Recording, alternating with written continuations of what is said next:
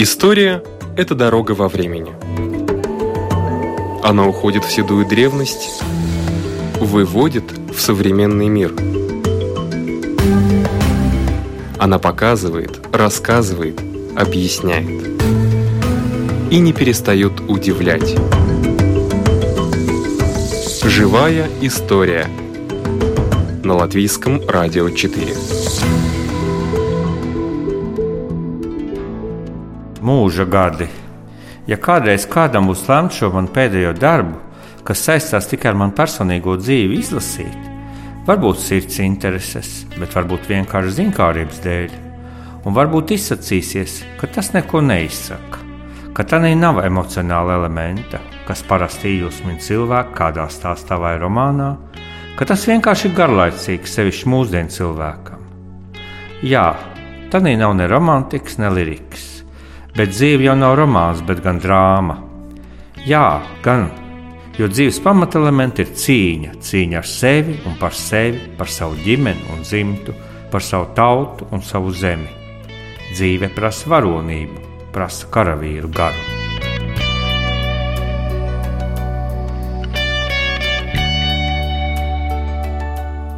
Если кто-нибудь прочтет когда-нибудь страницы моей жизни и решит, что в ней было много рутинного и совсем мало романтики, я соглашусь. Потому что жизнь не роман, это драма. Жизнь – это борьба, борьба с собой, за себя, за свою семью, за свой народ, за свою землю. И становишься героем-солдатом, потому что жизнь этого требует.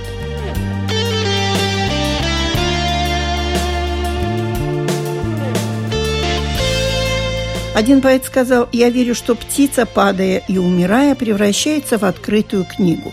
Есть смысл поминать того, кого помнят спустя сто лет. Якоба Ниманиса помнят педиатр, реформатор и директор детской больницы Якоб Ниманис оставил после себя целый мир воспоминаний, о которых сейчас можно прочесть в книге «Сатвер Диену». На русский с автором книги Ритой Граверой мы перевели эту название как «Живи настоящим». На днях прошла презентация этой книги. Мое имя Дзинтерс Мозгис, я профессор Рижской Страдинской университета. Ну, а я знаю, что вы тоже были директором детской больницы. Больниц, да, я был в течение почти с 95 по 2010 год разница между просто больницей и детской больницей большая? Ну, конечно, конечно, большая разница между больницей для взрослых и больницей детской, поскольку ибо дети, они не, не миниатура взрослого, они угу. полностью другие, они маленькие, они играются, они игривые. А Вспоминали в этой больнице еще Якоба Нимана? Да, я думаю, что мы довольно много сделали по как э, сохранить историю в детской больнице. Угу. Мы написали книгу к столетию детской клинической больницы, поскольку эта больница открыта в 1899 году и, конечно, в этой книге была и информация о Ниманисе, о периоде, когда он был руководителем детской больницы с 1925 по 1935 год. Десять лет, да? Например. И за это время что он больше, успел да. сделать? Он э, сделал очень много. Он э, построил маленький изолятор. Это, может быть, не самое главное, но полностью переоборудовал больничные котельную больницы, другие вспомогательные помещения, в том числе был сделан переход из отопления паром к отоплению теплой водой. Угу. Это было, поскольку паровое отопление, оно очень шумное. И в эту пару это было очень очень такой большой шаг вперед.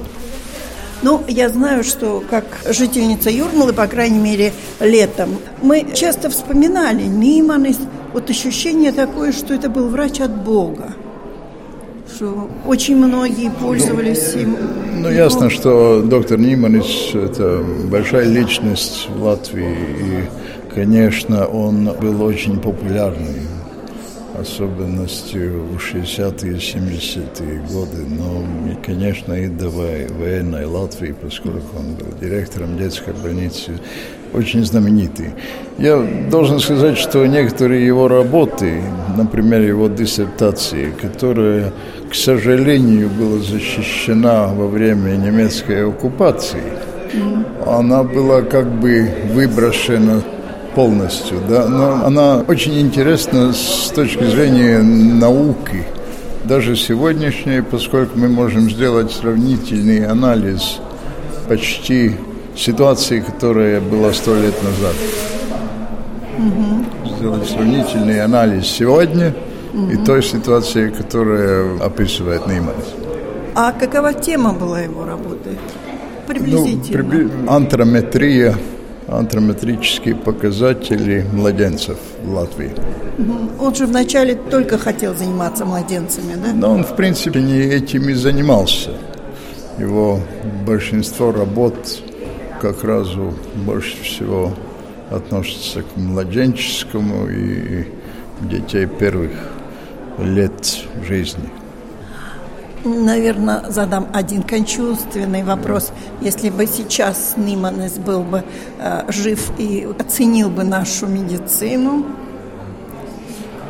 ну, нельзя, конечно. Это примерно то же самое, что телефон. И я имею в виду самый простой телефон и мобильные связи интернет и тому прочее. Конечно, медицина нынешних дней полностью отличается от медицины тех лет. Но самое главное – это отношение к больному ребенку, а это в культуре врачевания этические вопросы у Ниманиса были на очень высоком уровне, которые, я бы сказал, сравнимы с этическими принципами сегодняшних дней.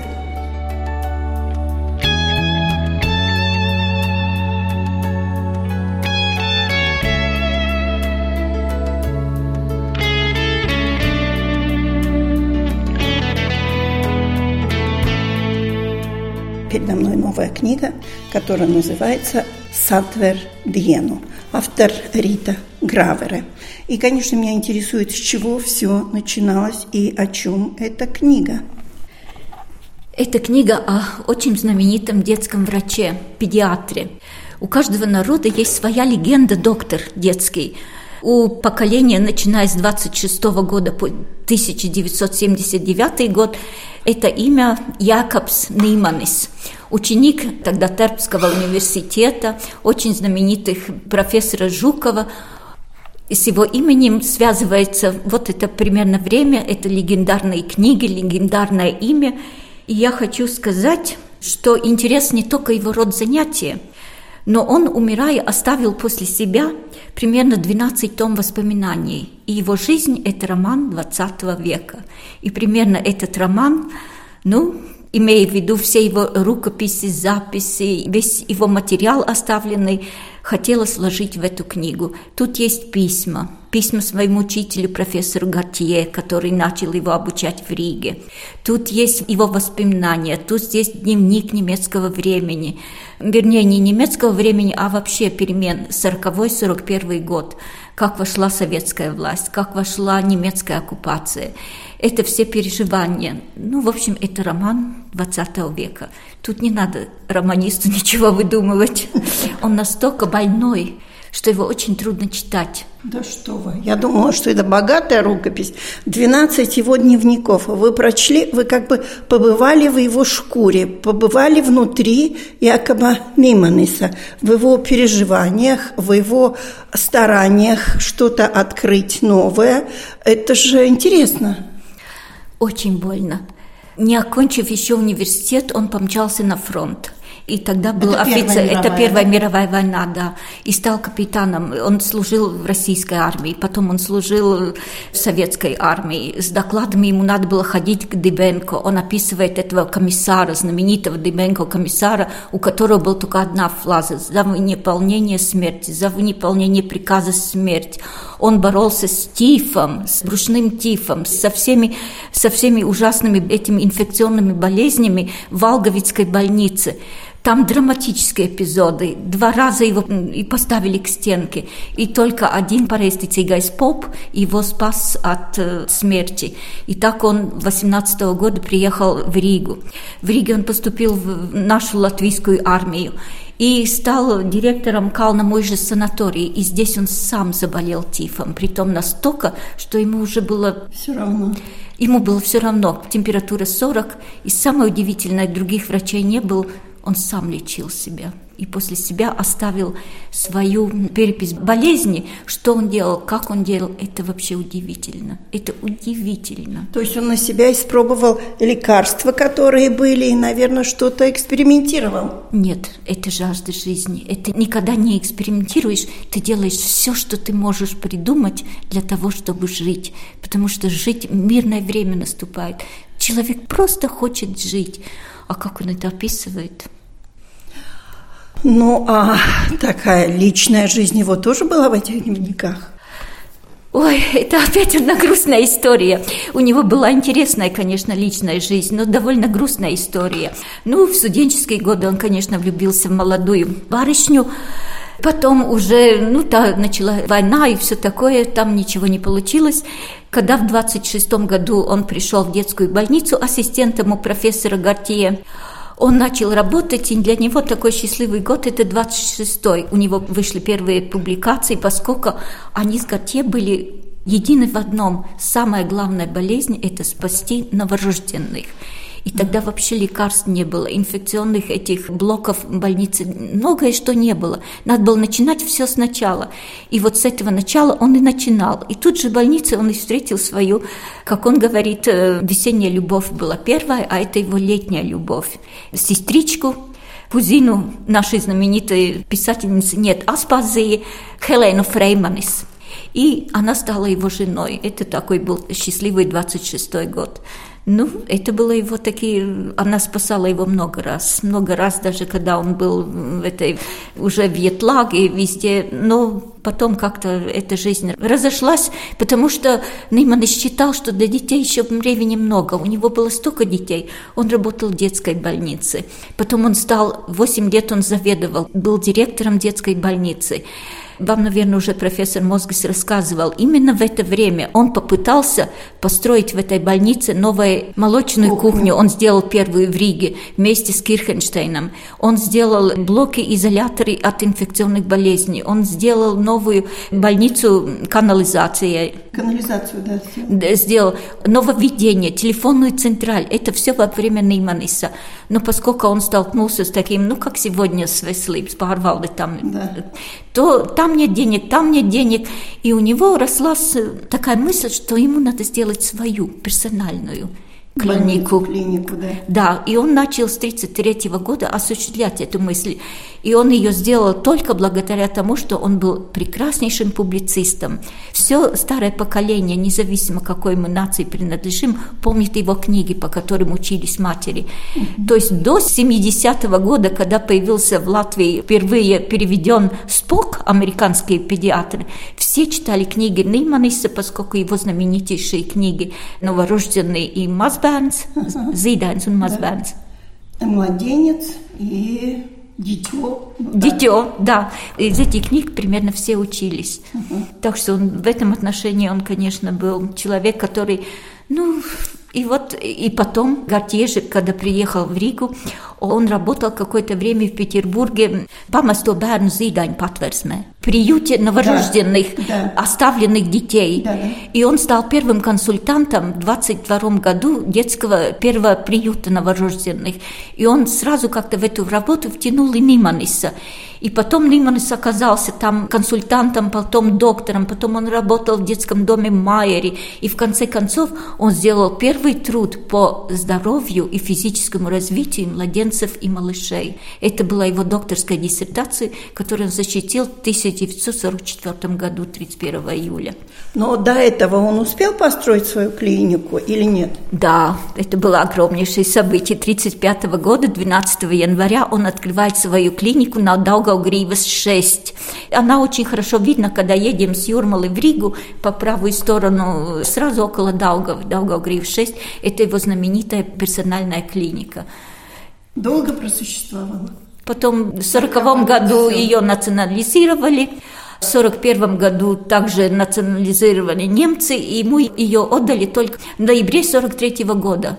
И в 1944-м его приказали, немецкое руководство приказало ему эвакуироваться в Германию, но он очень не хотел, несмотря на то, что он был врачом американского посольства, советского посольства, японского посольства, он все равно не хотел и уехал в Курземе. А в Курземе так случилось, что гестапо шла по его пятам, и тогда он решился на такую тяжелейшую. Они сели с женой на этот последний пароход, который ехал в Швецию. Ну и этот пароход 9 января, конечно, советская армия вернула туда же Венспилс, ну и сначала гестапо его арестовало, потому что он не эвакуировался в Германии, потом, конечно, его арестовала Чека, ну и так он, и только благодаря письму Кирхенштейна, который отозвал его в Ригу, он попал, опять же, в 1945 году в Ригу.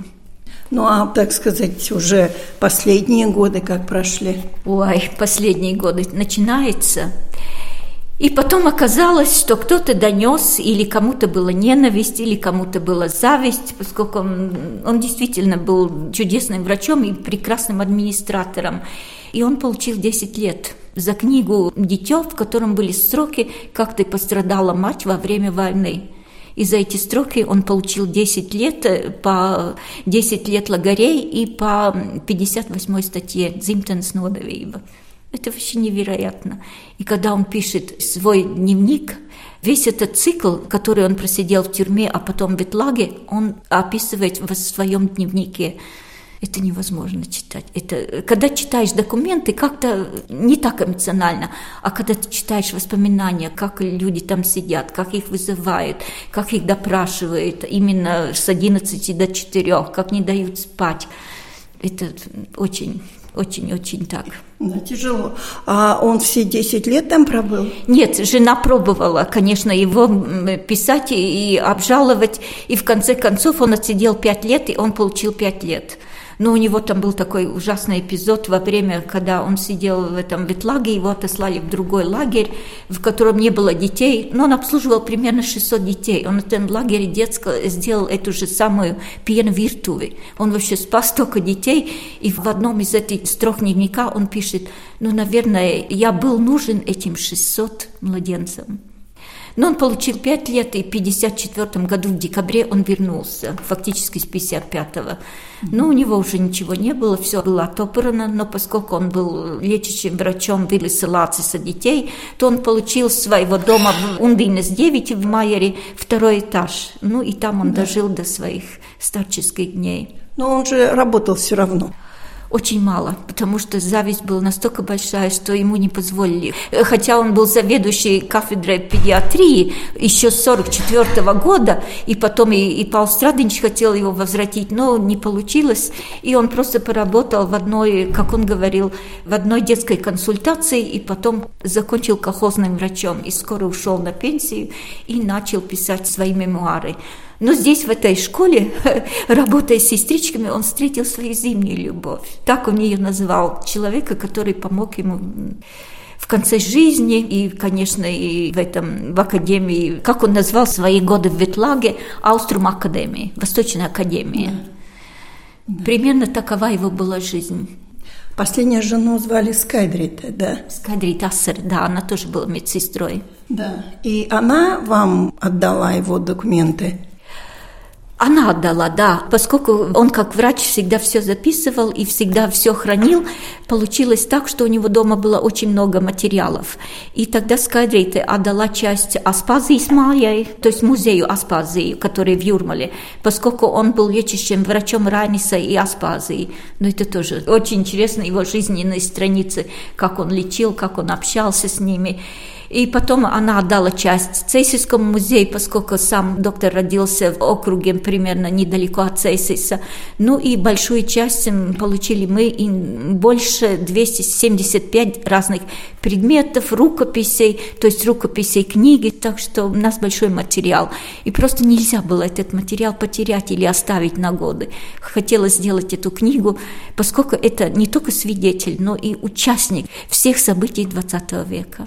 Какие у него были отношения с Райнисом и Аспазией, потому что он же был педиатр, то есть он лечил младенцев. Так играется с нами жизнь, это очень интересно. В 23 году, когда он поступил в эту детскую больницу ассистентом, там директором был такой социал-демократ Пред Каунс. И этот предколонс, поскольку Райнис тоже был социал-демократом, время от времени лечил Райниса. И Райнис в этой больнице лечился. И там были очень такие интересные страницы жизни Райниса. Он там и писал. И здесь предколонс познакомил своего ассистента нового, Нейманиса с Райнисом. А потом оказалось, что они живут на одной улице.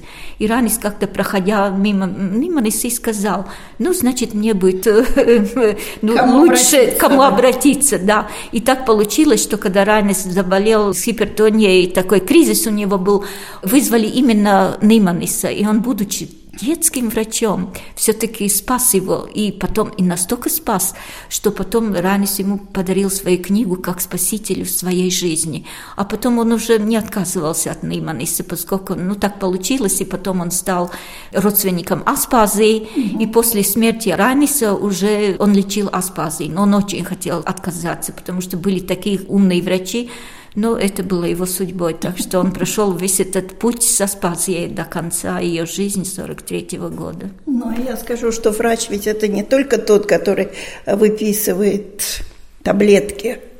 К сожалению, да? к сожалению, к сожалению, наше молодое поколение, ну, не буду говорить о всех врачей, но есть врачи, которые за 15 минут вам померят давление и все.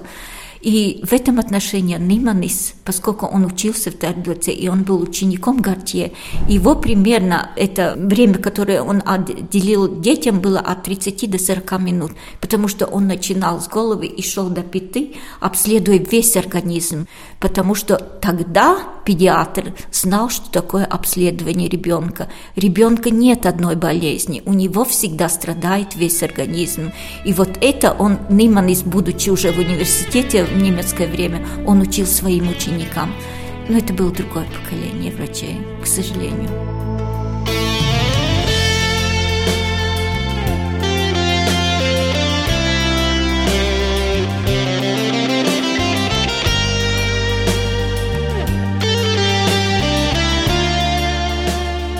Я хочу представить нашим радиослушателям Якоба Неймана. Прямо ну, не прямой потомок, но, во всяком случае, имя, фамилию вы получили. В честь кого? Это ваш родственник? Это мой родственник, это брат моего прадеда. Прадеда? Да. В каждой семье есть свои легенды. Вот Якоб Нейманис был легендой у вас в семье? Да, конечно, я про это не думал, когда мне дали такое имя. Но очень скоро уже мне начали рассказывать, что есть такой знаменитый врач, и он очень сильная личность была. И как бы мы, у нас даже есть какая-то немножко ответственность. Он такой сильный человек, и весь наш род должен как бы оправдывать вот такую как бы ответственность, что он был такая сильная личность, которая сделала столько хорошего для людей и для народа, и, и для всех. И, и я очень рад про эту книгу, потому что я сам много чего не знаю. Рита Гравер сделала такую работу, что, не знаю, мы никогда не сможем ее отблагодарить, потому что те детали, которые она дает нам знать про наших предков, э, они не только для нас интересны, они интересны вообще как факт. И это очень вдохновляет. Меня как артиста, я музыкант и композитор, И даже как-то человечески хочется как бы стать лучше. Есть какой-то такой потомок, который сделал такие большие вещи для людей. Но вы же знаете, что он попадал в разные передряги. Он был и выслан. Да, да, да. Он не боялся говорить правду, за что в свое время тоже терпел много. То есть у него были взлеты и были такие падения. Но он такой, кажется, отличный герой для голливудского кино. Там весь 20 век на него, и он как бы не стоял и не ждал, пока все там, он принимал участие в очень таких ответственных, интенсивных процессах в обществе, и за это он э, был и суден, и, и все время как-то всегда он выжил. Его как-то вот судьба такая интересная, что его смерть очень близко была, и он выжил все время. И там был, это такая, просто судьба такая интересная, что там есть какое-то очень сильное, может быть, какие-то другие предки, не знаю, эзотерия какая-то там. И просто он такая личность, что он должен выжить до конца 20 века. И про то, что мы сейчас про него говорим еще, что он, у него есть даже записи очень такие плотные, плотные. И по существу что он предвидел в своем жизни, да, он, сделал такие записи очень много, когда в конце уже жизни. С этими записями в этой книге очень много тоже. Как ясновидец, да? Да, не, он просто рассказывает про свою жизнь, и что он э, заметил, как это все было, и это как бы, ну это для историков тоже важно. Это живая история, которую человек от себя uh-huh, рассказывает. Uh-huh. Очень плотная личность. Там есть такие не знаю, я не прочитал, я просто знаю то, что мне говорили мои родственники. Рита Гравел, когда мы делали с ней радио, мы делали передачу наших родственников, и тогда я много тоже узнал, что я не знал еще. Я уже, ну, какие-то вещи, ну, знаю, что там есть, но в деталях очень интересно, хочу прочитать. Есть какой-то фрагмент, какой-то этап его жизни, который вас больше всего как-то удивил? Но, может так быть... Сложно такая большая тема. Мне может надо, быть, личной мне жизни. Надо, надо немножко подумать. Лично просто мне такая встреча с ним э, так часто, что мне люди приходят и говорят, а, погодите, это не ваш родственник, да, мы с этой книги, мы выросли, я вот такой, я вот такой, я, моя мама меня вела к нему, и такие, очень такие добрые и такие светлые воспоминания от людей, которые, я не чувствую, что это как бы относится ко мне, я просто потомок, да, но люди с таким добротой, с таким доброжелательностью говорят про него, и как-то на меня так смотрят, и так, да, да, такая атмосфера такая очень добрая вокруг, и это как бы тень его, она такая сильная, но в нее я не чувствую себя как бы в стене, это как свет идет на меня такой.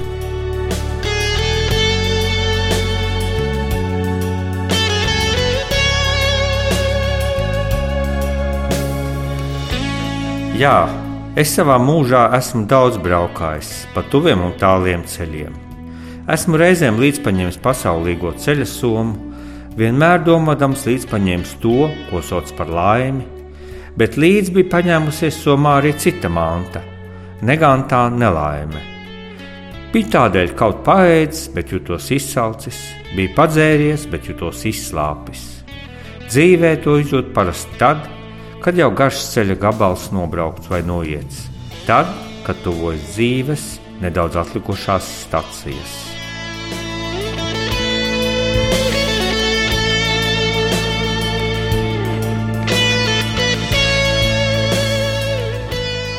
Я всегда думал, что, отправляясь в путешествие, я беру с собой частичку счастья. Но обычно незваная беда увязывалась следом. Это понимаешь только тогда, когда большая часть жизни остается позади. И до конца всего несколько остановок.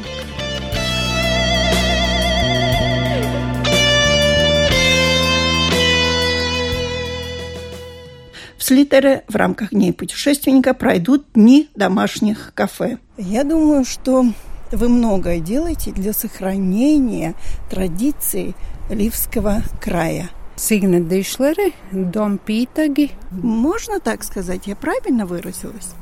Ну, Получается?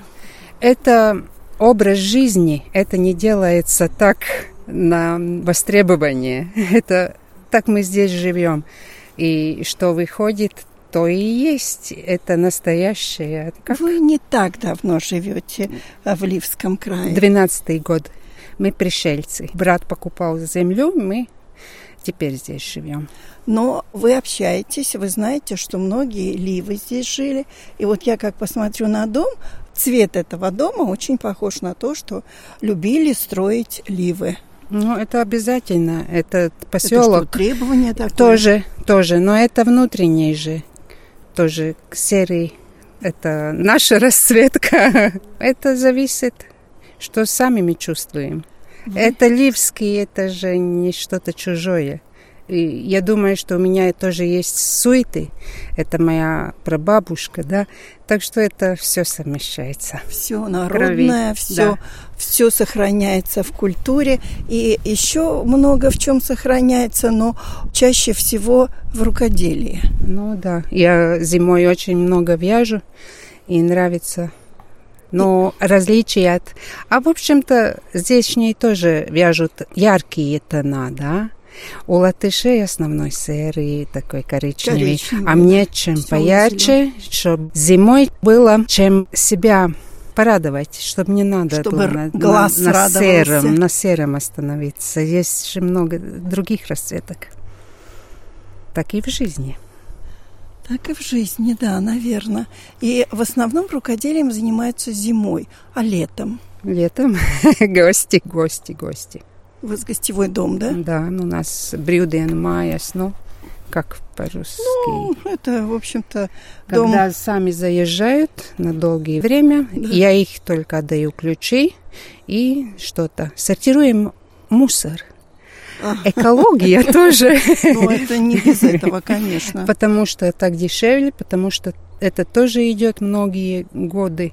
Ну, без этого и обслуживаем. Если надо, можно завтрак сделать, можно что-то посоветовать, в округе увидеть. Это тоже очень важно. Много иностранцев.